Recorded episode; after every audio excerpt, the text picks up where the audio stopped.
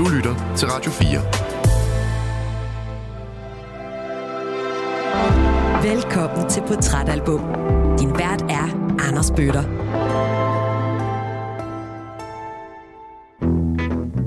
For mig var det jo nærmest moderen til soul og til alt det, jeg drømte om.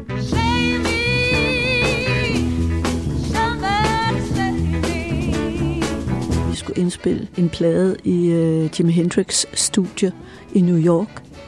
RCA ville godt udgive et album med os. Ikke nok med, at de gerne ville det, men det var også en, en stor kontrakt med mange nuller. Der var så en øh, betingelse tilknyttet. Vi skulle spille for de amerikanske soldater i Vietnam. Vi fik et chok. Vi var chokeret, og vi sagde, jamen, har I slet ikke forstået noget, hvem vi er? Vi er knyttet til hele den her fredsbevægelse, der er i gang. Så blev der sådan mindre tumult på det her kontor. Sådan, det var sådan, de hamrede i bordet, og øh, så kunne vi rende dem, og vi havde været dyre for dem at have, og øh, hvis vi ikke ville gøre det her, hvor de også kunne tjene noget tilbage på alt det, det havde kostet dem at have os. Men I havde jo ikke engang fået løn. Nej, vi havde ikke fået nogen løn, vel, og øh, de havde så vores pas og vores billetter hjem. Vi ville bare hjem nu, og det kunne vi så ikke komme, så vi skulle øh, blive der, og så skulle vi indtjene det, der havde kostet dem at have os. Øh, så skulle vi spille gratis tre gange om dagen på nogle nyåbnede klubber.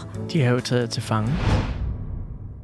Kender du det der med at elske en stor musikers enorme stemme og ufrivilligt komme til at bevæge både hænder og hofter, når lydbølgerne rammer, og kunne synge med på alle de store hits, og så alligevel aldrig have hørt et fuldlængde studiealbum med den pågældende musiker. Den følelse, den kender jeg i hvert fald ret godt. Og det er præcis sådan, jeg har det med en af verdenshistoriens største sangstemmer, Aretha Franklin. Og netop derfor så er jeg lykkelig over, at min lyddesigner Emil Germod og jeg i de næste 2 gange 55 minutter her på Radio 4 kan tage dig i hånden, og vi sammen kan drømme os tilbage til The Summer of Love 1967, hvor Aretha Franklin udgiver et mesterværk. Og det er et mesterværk, som til og med åbner med et af verdens bedste numre.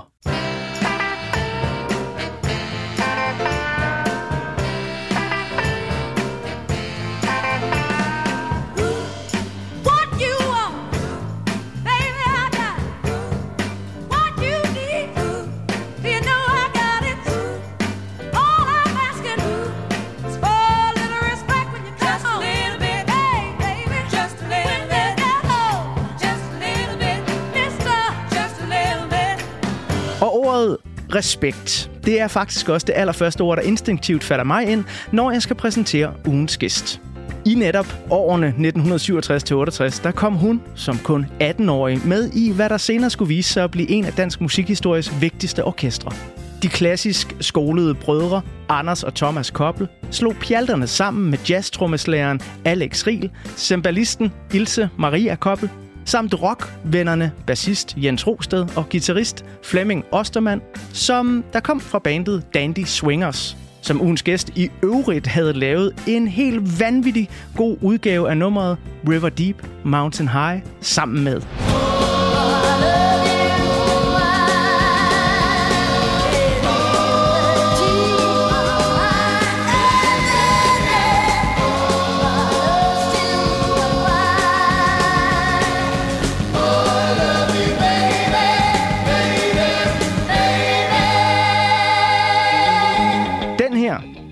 Nye, overraskende og stærke konstellation af meget forskelligartede musikere kaldte sig for The Savage Rose.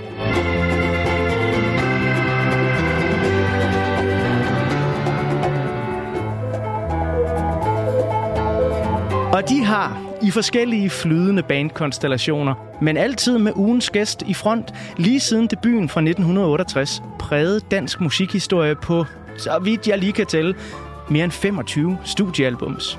Og med kæmpe værker som 70'ernes Dødens Triumf og Wild Child, 80'ernes Sangen for Livet og det store kreative comeback Black Angel fra 1995, samt det nyeste, fantastiske album Homeless fra 2017 i bagagen, ja, så er anden introduktion næppe nødvendig. Skulle du alligevel være i tvivl om, hvordan ugens gæst lyder, når hun åbner sin sjæl og synger med hjertet, så er her et ultrakort lille medley med udvalgte højdepunkter.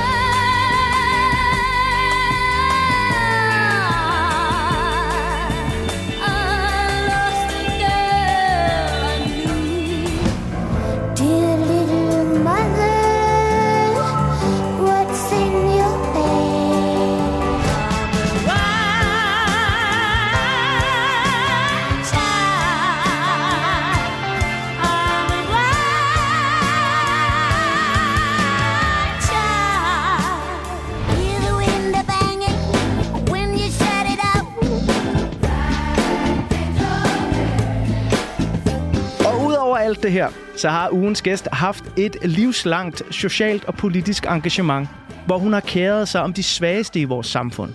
Hun er kraftoverlever, Robert-vinder, Danish Music Awards modtager og er for hendes mere end 50 års virke som en skabende stemme i dansk musikliv blevet tildelt Statens Kunstfonds livsvarige hædersydelse.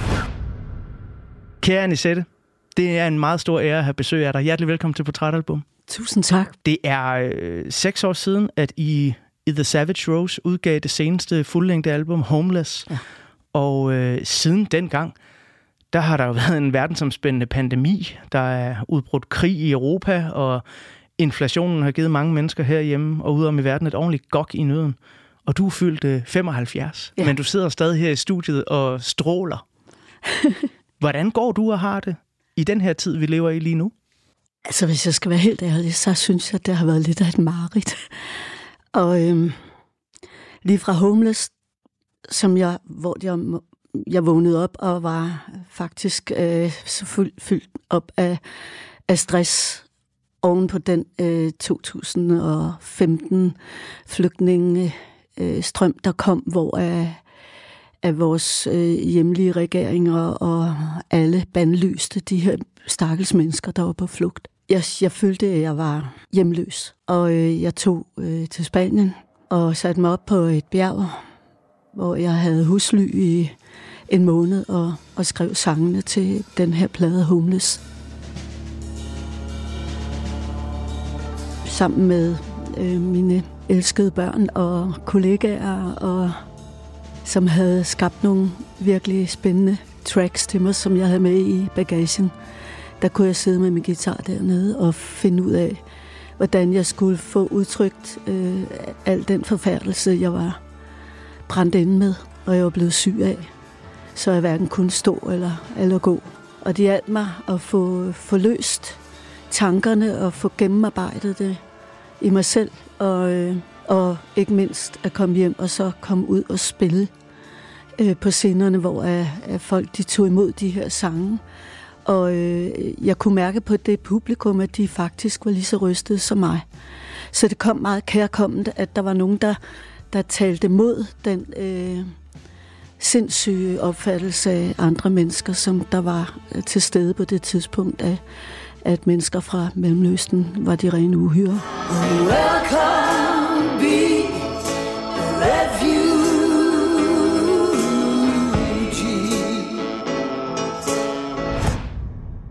Vi øh, vender tilbage til øh, Homeless-albummet i del 2 af ugens udsendelse, men øh, lige om lidt, så vil jeg bladre op på den første side af portrætalbummet, hvor der er billeder af dig fra årene 1967 og 68. Men inden vi kommer så langt, så skal vi lige have resten af åbningsnummeret fra Aretha Fla- Franklins øh, fantastiske album I Never Loved a Man the Way I Love You, som jo er det album, du har peget på, når der ja. skal tegnes et portræt af dig.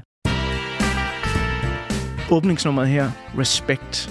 Kæmpe, Sådan. kæmpe sang, altså. Og ja, det var jo Otis Redding, der skrev den. Ja. Og øh, jeg synes, det er så skønt, at kvinder øh, pludselig opdager, hov, det her, det handler jo om mig og mit liv.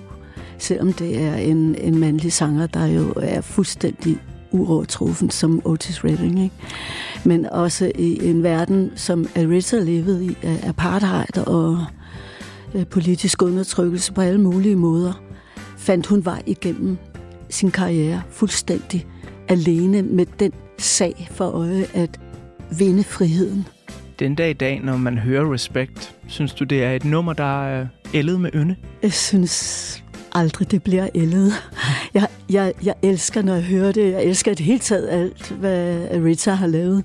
Og, og lytter på det med øh, stor respekt, hvis jeg kan sige det sådan, fordi uh, hun er uovertruffen i uh, sit uh, mesterlige kunden af at synge hendes stemme, hendes måde at fortolke på, og uh, hendes indlevelse ikke mindst, gør, at uh, alle må læne sig tilbage og, og sige, okay, det er sådan her, det er, når man skal synge. Det er sådan her, det er meningen, man skal synge. Og der har vi jo alle sammen noget at leve op til.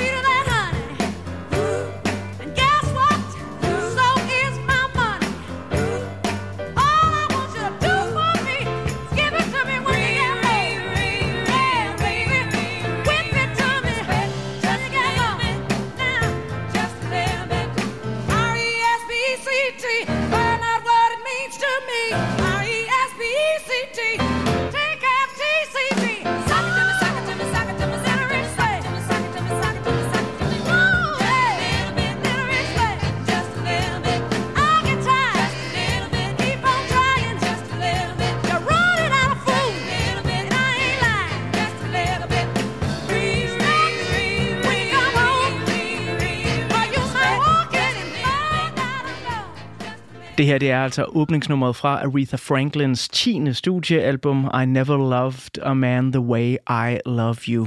Er du nysgerrig på, hvem Aretha Franklin var, så kan du glæde dig til del 2 af ugens udsendelse, hvor jeg tegner et lille portræt af hende. Men lige for nu, der har jeg bladret op på den første side af portrætalbummet, og øh, på den her side, der er der billeder af dig, Anisette. Vi er i årene 1967, 68. The Savage Rose er ved at blive en realitet, men du spiller stadigvæk sammen med The Dandy Swingers. Mm-hmm. Øh, og der har I nogle gange, har du fortalt mig, sådan nogle maratonaftener, hvor der jo skal spilles live rigtig, rigtig mange timer. Øhm, og på det her første billede, jeg har taget fat i af dig, der hører du Aretha Franklin en af de allerførste gange. Det er en af de første gange, du hører Respect. På det her tidspunkt, der har du ikke fyldt 20 år endnu.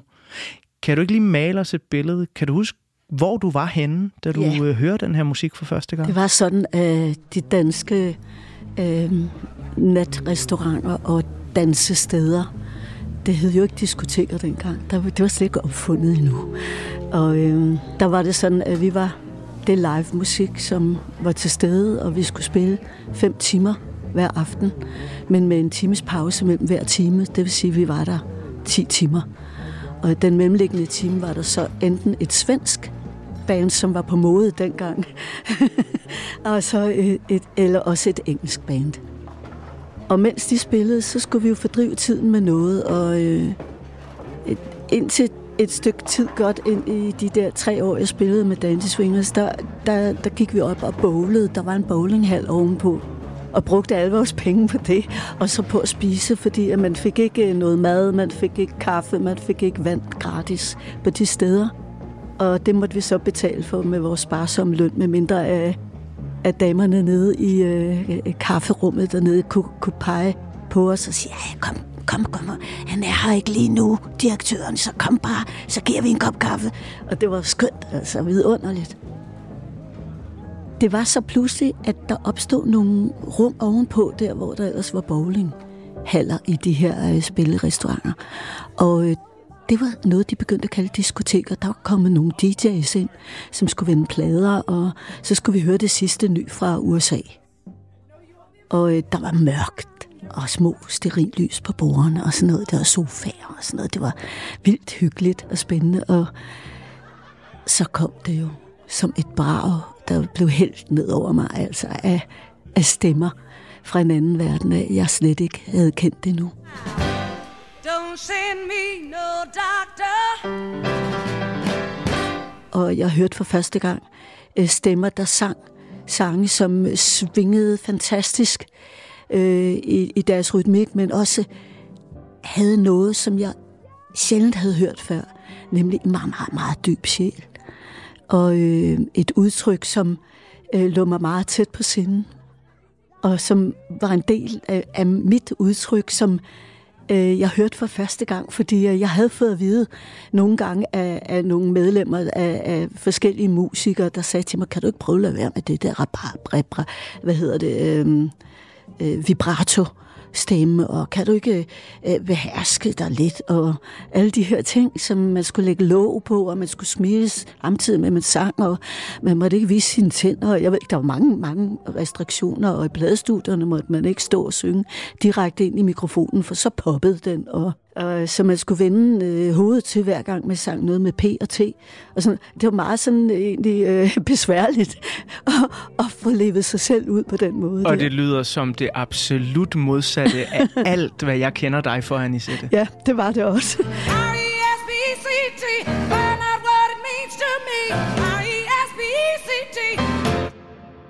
Ikke desto mindre, så startede jeg jo allerede som syvårig, så jeg har været igennem alt det der fra at trække en mikrofon op af gulvet øh, og synge i, som lød lidt mere som skipper skræk end, end som mig.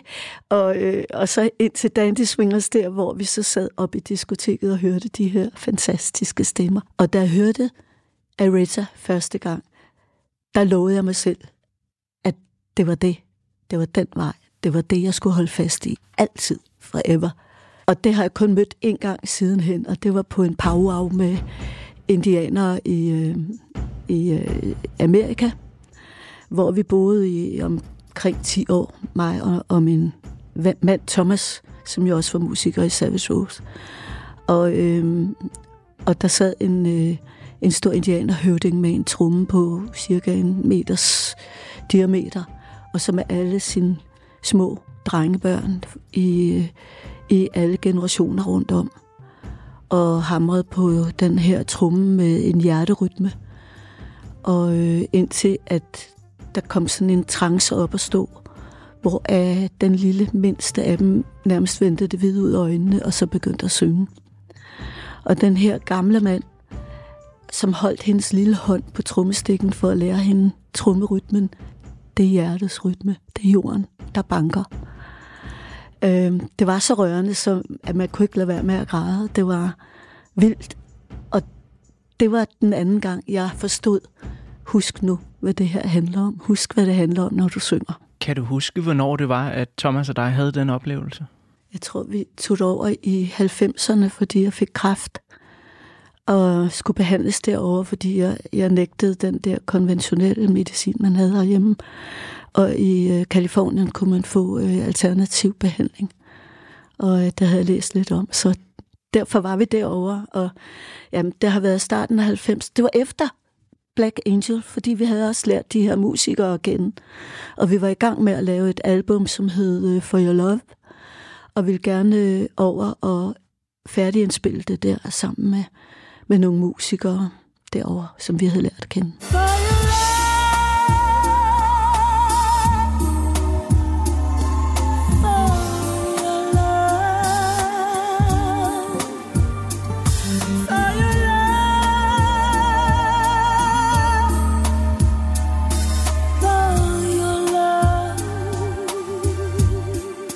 Hvis vi lige bliver øh, i tiden her, 67-68, hvor du hører Respect sammen med Dandy Swingers mm. og har den her jo fantastiske oplevelse af, som jeg hørte, både at blive hørt, set og måske finde din egen vej. Mm.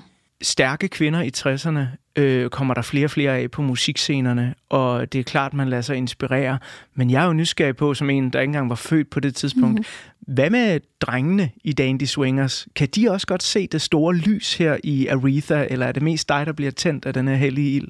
Jeg tror ikke, der er nogen musikere, som elsker musik, som ikke elsker Aretha. Det, det er, øh, hun er, hun er øh, en ener blandt os alle, en stor stjerne, der lyser på os. There's an old friend that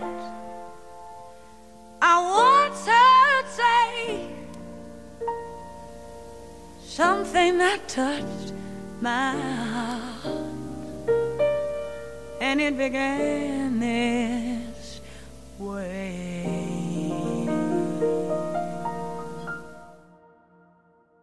Jeg kunne godt øh, tænke mig at øh, bladre op på en ny side af portrætalbummet nu, hvor øh, der så igen er et øh, billede af dig, Anisette, for de her år 67-68. Øh, du er som sagt ikke fyldt 20 endnu, men lige på det her billede, der kan du forestille dig et klassisk gammelt polaroid-foto, hvor du kigger direkte ind i linsen, altså lige ud på Radio 4's lyttere.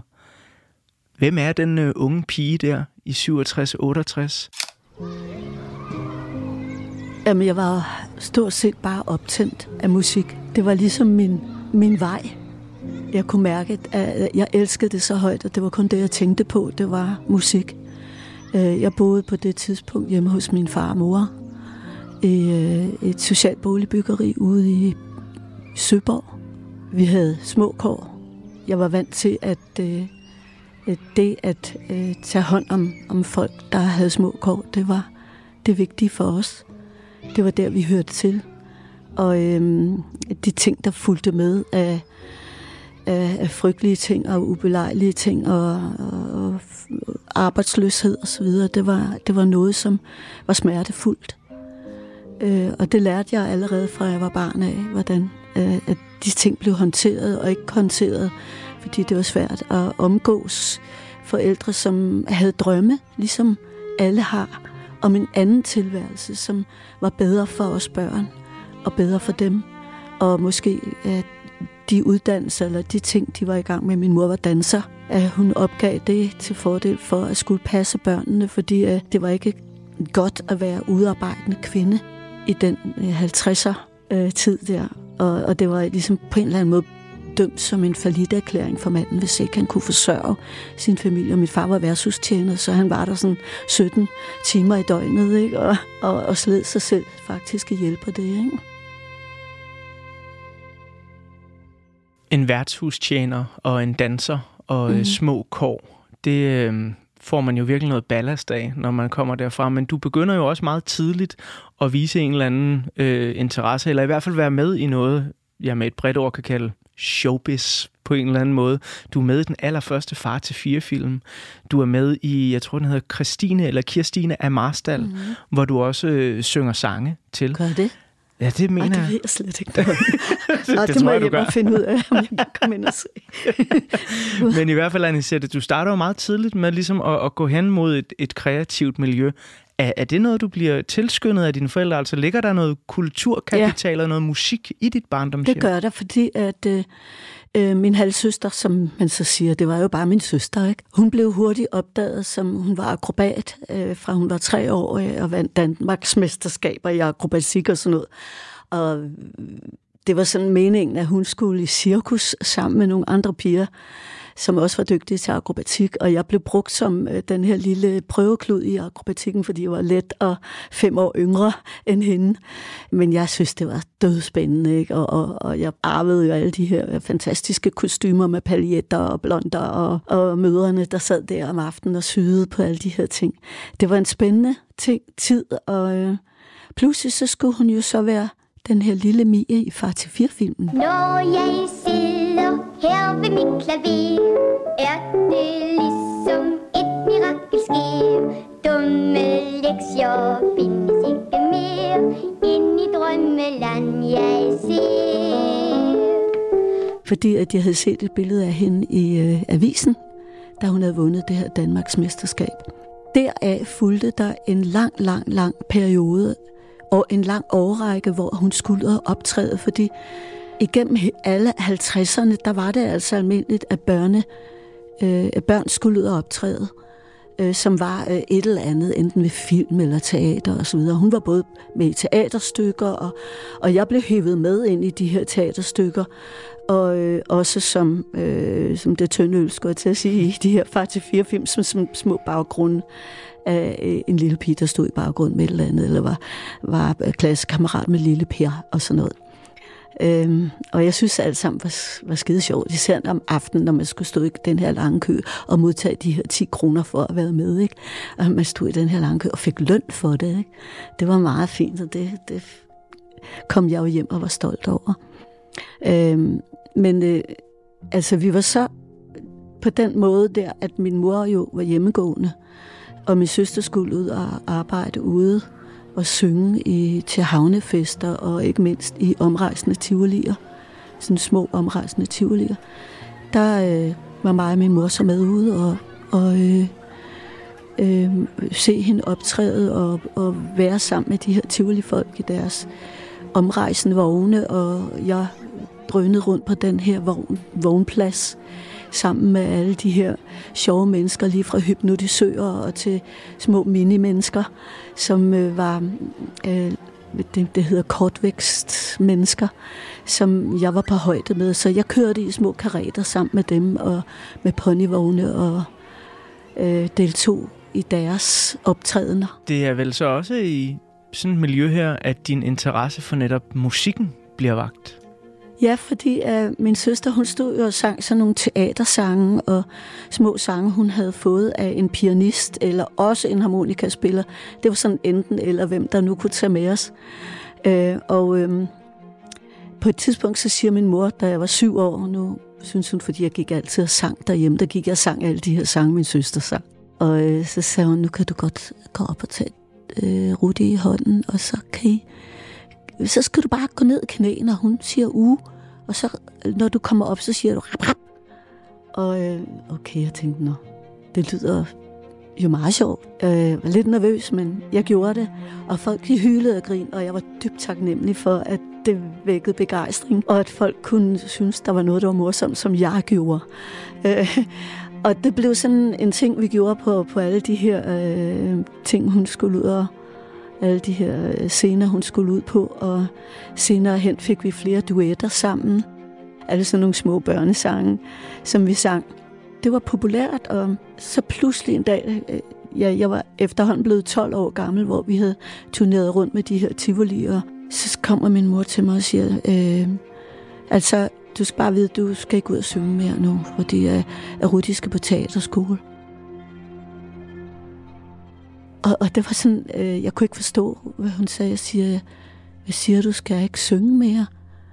Der havde jeg efterhånden fået små solosange og, og sådan noget, og, og jeg var allerede dybt forelsket i det at stå på scenen og synge, og mærke den der øh, øh, connection med, med publikummet dernede, som stod og smilede, og lige meget om det østpjask regnede, så stod de sgu der med deres små øh, øh, regn, regnhætter på, og, og øh, jeg ved ikke, om du kan huske de her plisserede regnhætter, man havde i lommen, og så hævde man dem ud, og stod alle med den der lille sløjfe under hagen og smilede om til mig, og paraplyer, og, og mine strømper, der var fuld af mudder og sådan noget, der helt op til knæene, fordi man løb rundt i det her regn hele dagen, og alligevel så kunne de godt lide det, jeg lavede.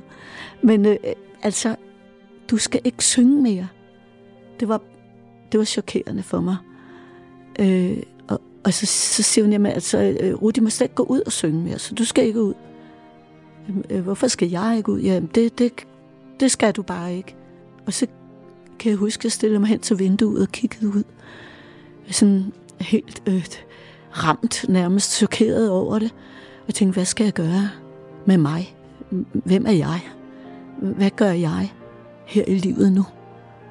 Øh, og så kom jeg i tanke om en, en sød veninde, sådan, jeg ikke så så ofte, men jeg vidste, hun spillede klaver. Og hun var på alder med mig, jeg 12 år. Så ringede jeg til Jette. Og har Jette, øh, du ved, jeg synger lidt, og du spiller jo klaver. Kunne vi to lave noget sammen? Og det var hun helt op på. Og så mødtes vi. Og derfra så gik det over stok og sten. Vi lærte øh, et lille repertoire, og øh, hurtigt så fik vi det spredt ud til folk, at, at vi havde sådan en lille optræden, vi kunne give, hvis de behøvede nogen til at optræde. Og så spillede vi til konfirmationer og sølvbryllupper og alt muligt, sådan nogle små events.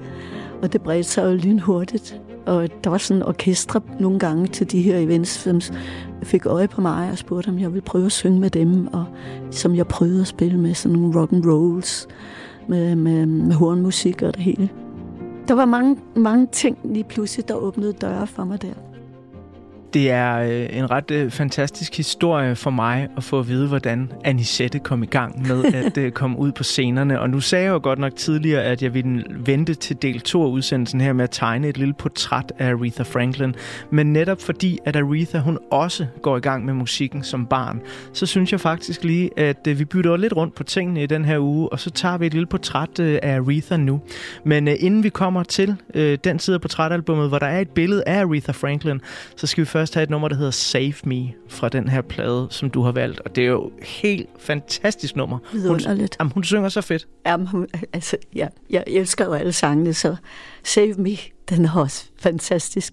Og den er jo rigtig god for alle kvinder at lytte til i dag, hvor vi har hele MeToo-bevægelsen. Så lyt til Rita. Hun har alle sangene til jer.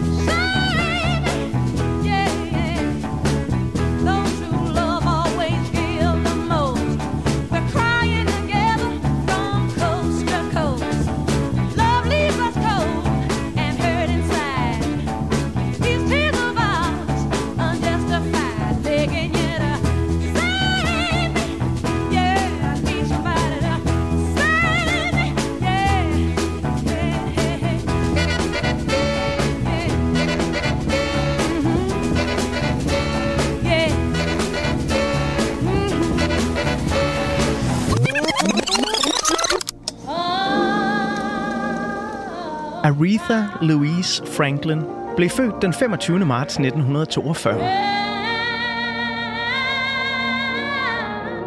Allerede som barn blev hun bemærket for sin kraftfulde gospel-sangstemme i Detroit-kirken New Bethel Baptist Church, hvor hendes far var pastor. Og da Aretha var 14, debuterede hun på albumet Spirituals, der er optaget i netop New Bethel Baptist Church. Allerede som 16-årig blev Aretha Franklin beskrevet som en kommende superstjerne. Hun tog på turné med selveste Martin Luther King, lod sig inspirere af hendes storesøsters kæreste, Marvin Gaye, blev gode venner med musikerne Ray Charles og Sam Cooke. Og især Sam Cooks tilgang til at blande traditionelle afroamerikanske sange med rhythm and blues, soul og samtidens popmusik blev en stor inspiration for Aretha. Hun flyttede til New York i 1960 og udgav sin debutsingle Today I Sing the Blues. without a word of warning. The blues walked in this morning. Men pladekontrakten med Columbia Records går ikke som forventet. Og på grund af alt for lave salgstal i forhold til Columbias forventninger, så ender stakkels Aretha Franklin faktisk med at skylde sit pladeselskab penge, da hendes kontrakt udløb i 1966. I may never, ever get to heaven. Men som du måske kan fornemme på de små bidder af musik, vi allerede har hørt, så spænder Aretha Franklins repertoire bredt. Hun glider ubesværet mellem gospel, blues, jazz og soul. Og det er netop den bredde, som gør, at hendes første album på hendes nye pladeselskab, Atlantic Records, bliver en kæmpe succes. Hendes tiende studiealbum, I Never Loved a Man the Way I Love You, viser en mere sprudlende, frigjort og fandenivoldsk side af Aretha Franklin. Og så indeholder albummet Sangen, som skal gå hen og blive hendes signaturnummer. For samme år, som musikeren Otis Redding og hans band Barcase dør i et flystyrt, udgiver Aretha Franklin sin potente coverversion af hans formidable nummer Respect.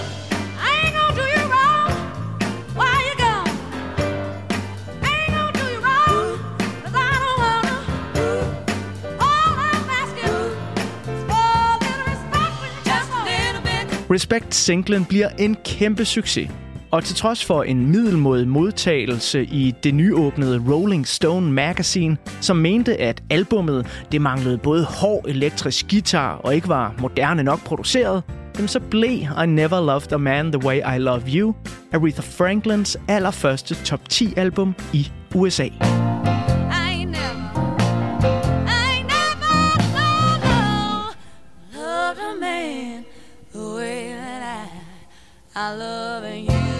Senere så har Rolling Stone Magazine i bagklogskabens klare lys rettet deres anmeldelse, og i 2002 placerede de albummet på en førsteplads på listen Women in Rock 50 Essential Albums. Og året efter så kom albummet ind på en 83. 20. plads på deres meget vigtige liste, The 500 Greatest Album of All Times. Så ja, det er vigtigt at have meninger og dele dem med verden, men det er mindst lige så vigtigt og enormt sundt at indrømme, når du har taget fejl.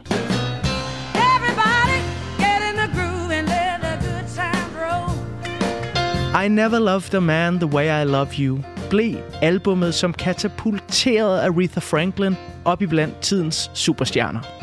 Fra 1968 af blev hun beskrevet som USA's største og vigtigste sangerinde, og udgav kæmpe albums, såsom Lady Soul og Aretha Now, som blandt andet indeholdt numre som Think, Chain of Fools og ikke mindst I Say a Little Prayer. Hun turnerede verden rundt, og i juni 1968 prydede hun en af verdens vigtigste bladudgivelser, da hendes stærke figur kunne ses på forsiden af Time Magazine.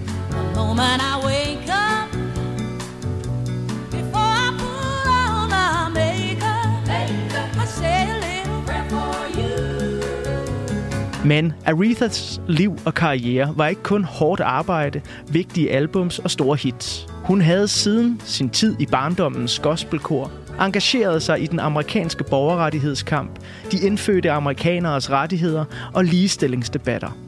Ja, faktisk så nåede sange som Respect og A Natural Woman nærmest at blive slagsange for 1960'ernes vigtige bølge af feminisme.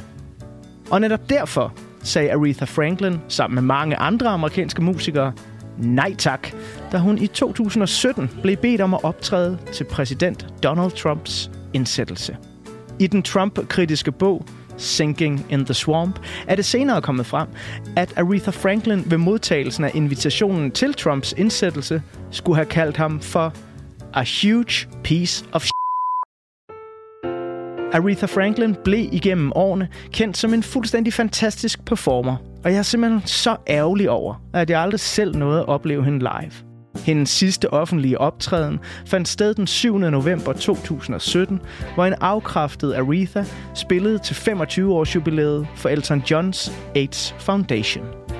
Aretha Franklin kæmpede mod bugspytkirtelkræft i sine sidste år, og den 16. august 2018 tabte hun kampen som 76-årig. Og hele verden mistede en af de bedste sangere, der nogensinde er blevet optaget i et studie. Aretha Franklin nåede at udgive lige under 40 studiealbums, vinde 18 amerikanske Grammy'er, have mere end 100 singler på de amerikanske single-hitlister, modtage både The National Medal of Arts og Presidential Medal of Freedom, samt være den første kvinde nogensinde, der blev optaget i The Rock and Roll Hall of Fame. You better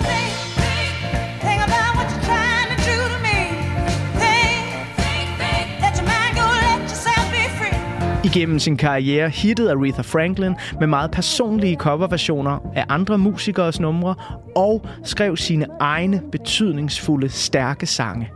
Og en af dem skal vi have her. Det er en lille perle fra I Never Loved the Man the Way I Love You. Det her, det er Dr. Feelgood. Love is a serious business. Don't send me no doctor. Filling me up with all of those pills.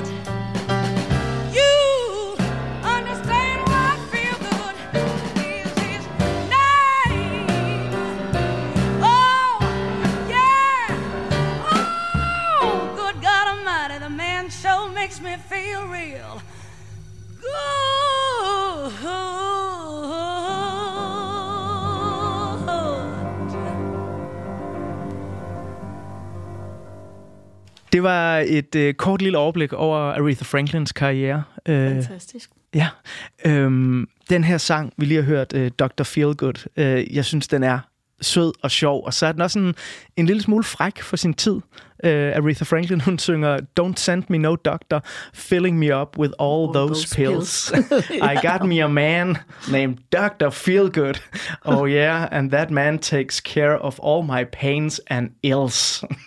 Hvor er det sødt. Og prøv at høre, altså Aretha, hun skal ikke have nogen piller. Hun skal bare øh, have noget sex øh, og noget kærlighed. Sådan. Øh, altså, ja, præcis, ikke? Fordi jeg, jeg, jeg tænker sådan, når man har hørt det her i 67, altså, så, så har det været sådan rimelig meget fremme i skoen, ikke? Ja, hun var jo, man kan jo sige, at hun levede sig så meget ind i, i musikken og i sangene, når hun sang, at, at det var fuldstændig unødvendigt for hende med de der drugs. Der er jo andre, der skal have øh, noget hjælp, som de siger selv, ikke? Øh, for at, føle, at få den, opnå den der følelse, og det kan jo skyldes så mange ting. Det kan jo skyldes en form for selvværdsfølelse eller nervøsitet. At det, og øh, det var jo så meget udbredt på det tidspunkt der, øh, at øh, alt lige fra almindelig hash og pot, og øh, at der så også kom øh, LSD ind over, og, og, og mange andre forfærdelige ting i, i og for sig, som herren faktisk havde opfundet til øh, de der soldater, der var i Vietnam. Ikke? Øhm, og at de unge, de øh, blev fyldt med det. Og hvordan at man øh, på en eller anden måde fik et salg i gang, man ikke kunne undvære i de der store øh, lande som USA. Ikke? Det var jo der, hvor at det hele gik den, kan man godt sige, langsomt, men forkert vej.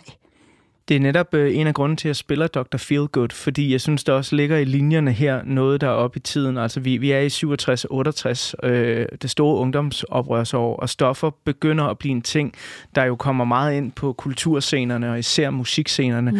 Og jeg er jo dødsens nysgerrig på, når man starter et øh, band som The Savage Rose i 1968, Lidt senere, så skal vi høre om, hvordan I tager til USA også, og kommer hjem på røv og albuer.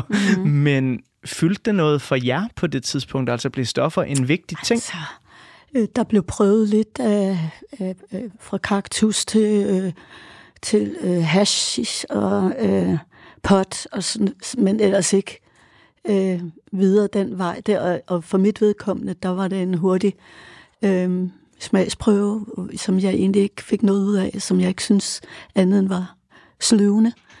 Øh, og jeg elskede at synge. Jeg behøvede det faktisk ikke. Og jeg, jeg føler heller ikke, at jeg behøver det den dag i dag er. Og jeg er bare ked af, når andre øh, falder i og øh, i den der skuffe og tror, de behøver det. Fordi øh, jeg har mødt mange fantastiske musikere, som er nogle af de allerstærkeste musikere herhjemme, hvor øh, at det også er øh, et afgørende ting for dem at få så meget alkohol som muligt, inden de skal på scenen, og det er kun ødelæggende for os alle sammen. Ikke bare for dem, men også for dem, der omgiver dem. Og øhm, de behøvede det ikke, men de tror ikke på det nok. Og det er netop den der troen på noget, der er ud over dig selv. En større virkelighed, en større sag, kan man sige. Ikke? For Rita var det jo øh, både en religiøs ting, øh, at være i sagen, som hun var vokset op med, og var en del af hele hendes kulturarv. Og øh, for, for, for mig har det været selve det liv, som jeg elsker og værdsætter hver gang, at jeg øh, kommer videre i det, og føler, at jeg får en håndsrækning fra det. Øh, og det kan man sige er publikum, andre menneskers kærlighed og omfavnelse, og det er det, at øh, jeg har en familie, som elsker mig, og børnebørn, som jeg er fuldstændig øh, forelsket i selv. og, og så ikke mindst det, at øh, har opdaget den der natur rundt om mig, som øh, elsker en, hvis man forstår den. Og det fandt jeg ud af, dengang jeg havde kraft at øh, holde af, og opdagede, at den hjalp mig videre. Og så har jeg ikke brug for mere. Det virker lidt som om, når du taler om kærlighed, du taler om de sager, du brænder for, og især når du taler om musikken, at det næsten bliver Anisettes form for stoffer. Ja, det kan man godt sige. Uh, altså, fordi det er uh, det, der sker, når man synger.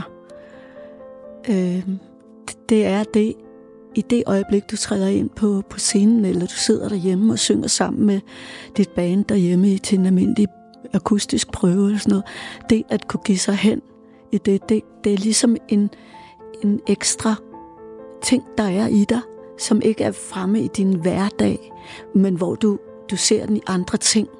Øh, som jeg siger, du kan se den i foråret, når det springer ud, som de fleste mennesker oplever som noget virkelig vidunderligt. Åh, nu kommer solen, nu kommer lyset, se de første krokus, og så videre. Ikke? Og når de første knopper på træerne viser sig, man bliver sådan, ej, nu, nu, nu sker det det her mirakel igen. Ikke? Og øh, hvis vi bare forstår at passe på det, så, så er vi en del af det her, der sker lige nu, og kan blive en del af det. Ikke? Og når du synger, så er det ligesom, at der åbner sig et, et, en ting i dig, som, som gør, at øh, det, som du havde øh, af nervøsitet, for eksempel, inden, inden jeg går på scenen, er enormt nervøs. Og min mund og slimhinder i hals og alt muligt kan tørre fuldstændig ud. Så jeg skal spise en kæmpe skefuld honning inden for at, at sætte gang i hele den der spytkirtel ting, som, som gør, at jeg får væske eller får væde i munden, øh, øh, når jeg går ind på scenen. Og så kommer det. Du går ind på scenen, mærker det der publikum, så tænder musikken, og det er som en verden af forår. Et lys, der øh, tænder i dig. Og så finder du det frem, som gør, at du bliver en del af det. Og det er, er, er noget, der er så vidunderligt og, og vanedannende, hvis vi skal snakke om stoffer. Det er vanedannende, men jeg holder jo heller ikke op, fordi jeg kan ikke undvære det. Og selvom jeg er blevet 75, så er det ligesom om, at, at hver gang det er jo en prøvelse for mig lykkes det den her gang nu, ikke? fordi uh, muskulatur, krop og alting, det begynder jo så småt at lukke ned og sige, nu må du sgu godt slappe lidt af. Ikke? og, og, og det kan jeg jo så ikke, vel? Så det er jo noget med træning, og det har jeg ikke i min ungdom aldrig beskæftiget mig med. Det kunne jeg ikke drømme om. Jeg gik direkte ind på scenen og sang, ikke? Og jeg gik direkte i studiet, og så var det første take. Det var bare det, og så gik vi hjem når vi havde lyttet det igennem. Ikke? Og sådan var det. Øhm, sådan er det ikke mere. Der, der, der, der, der er flere nerver på nu, fordi jeg ved, at jeg skal over den her øh, tærskel, der hedder år. Men tror du ikke også, at de nerver kan gøre noget godt og ekstra, give ekstra spænding og elektricitet i musikken? Fordi når jeg hører The Savage Roses nyeste album, Homeless. Den skal vi snakke lidt mere om i del 2 af ugens udsendelse, som går i gang lige om lidt. Men når jeg hører den, så synes jeg faktisk, at du på en måde lyder stærkere og mere kraftfuld, end jamen, du har gjort i mange, mange år. Altså også dengang du var yngre og bare lige gik ind og tog den i mm. et mhm. one take. Jo, det er jo fordi, tror jeg, at ens bevidsthed også er blevet vagt igennem alle de her år, med alle de forskellige øh, ting, der sker i verden rundt om en, og ting, man oplever, som kommer så tæt på, rent følelsesmæssigt, der skal du jo overkomme en masse ting, du skal nærmest være bjergbestiger i dit liv, ikke? hvor du skal tage Mount Everest sådan 14 gange om året, ikke? for at komme over de her forskellige øh, traumatiske hændelser, der sker, hvor at du, du bliver involveret. I got no reason to deny what I feel.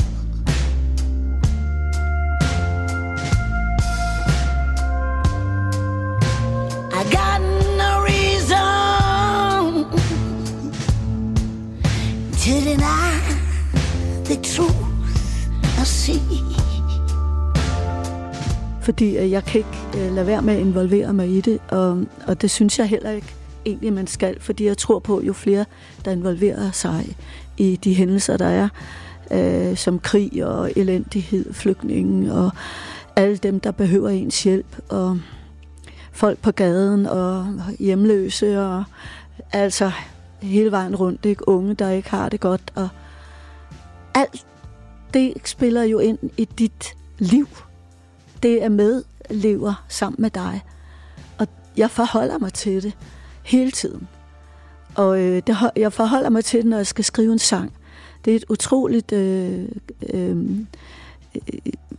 utrolig, øh, hvad hedder det, grænseoverskridende ting at skulle, skulle gennemgå hele tiden, billede for billede, hvad der sker, når du skriver, og så endda distillere det og få det sat helt ned i øh, små sætninger, og få det bundet sammen, så folk derude, de fatter og forstår, hvad det er, du vil fortælle, og måske endda fortælle deres historie også. Og, og det skal skulle sidde lige i, i soloplexus, det her, for at det rammer rigtigt. Og øhm, der føler jeg jo, at øh, jeg er ikke bare mig, men jeg er en kæmpe forsamling af mennesker, der har det lige så meget, der har jeg oplevet gang på gang, når vi spiller. Så hvad var det egentlig, vi snakkede om? Jeg kan sgu ikke rigtig huske det. Ved du hvad, det dejlige ved det her program er, at det er skide lige meget, hvad vi snakkede om, fordi okay. vi får en god historie, og vi får tegnet et dejligt portræt af, hvem du er, både som øh, sanger øh, og som menneske, Anisette. Vi skal til at lukke portrætalbummet sammen for den her første del, og det betyder, at øh, lige om lidt, hvis man lytter med live på Radio 4, så går anden del i gang. Man skal bare lige høre lidt nyheder først. Hvis du podcaster portrætalbum, så ligger del 2 allerede klar til dig, der, hvor du finder dine podcasts. Men vi skal gå ud på et nummer her i øh, del 1, øh, og jeg synes, øh, bare fordi det er sådan et nummer, der, der gør mig glad. Øh, det er jo som sagt første gang, jeg har hørt den her plade, fordi du pegede på den, Anisette, og mange gange tak for det. Jeg har virkelig fået øh, en, en plade for livet, jeg kommer til at tage med mig resten af Åh, livet. Øhm, men der ligger den her skønne sang, der hedder Do Right Woman, Do Right Man. Ja. Og den gør mig i godt humør.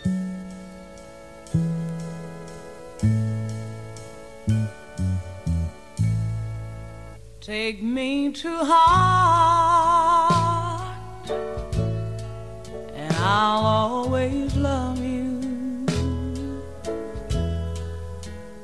And oh, nobody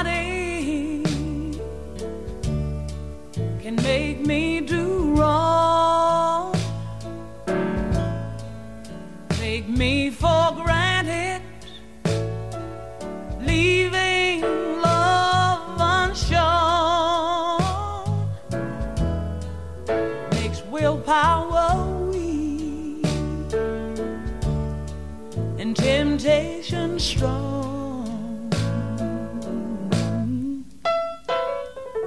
A woman's only human. You should understand. She's not just a plaything. She's flesh and blood, just like her man. If you wanna do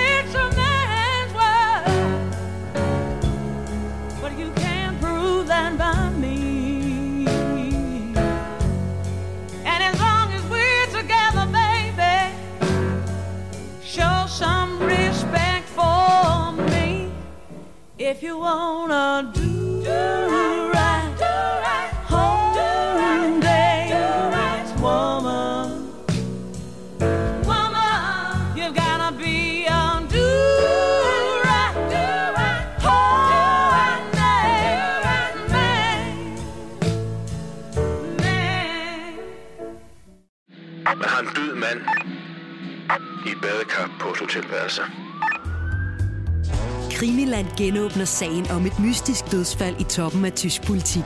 Der er ikke nogen som helst sådan umiddelbare synlige indikationer i retning af, om han er blevet myrdet, eller om han er begået selvmord. Genstand for genstand gennemgår Christoffer Lind og Anders Oris hotelværelset for spor. Livet er påklædt. Barsel, han har skjorte og slips på. Hvis vi begynder med at fokusere på badekarret og på livet, så har han ikke sine sko på. Han har ikke nogen sko på.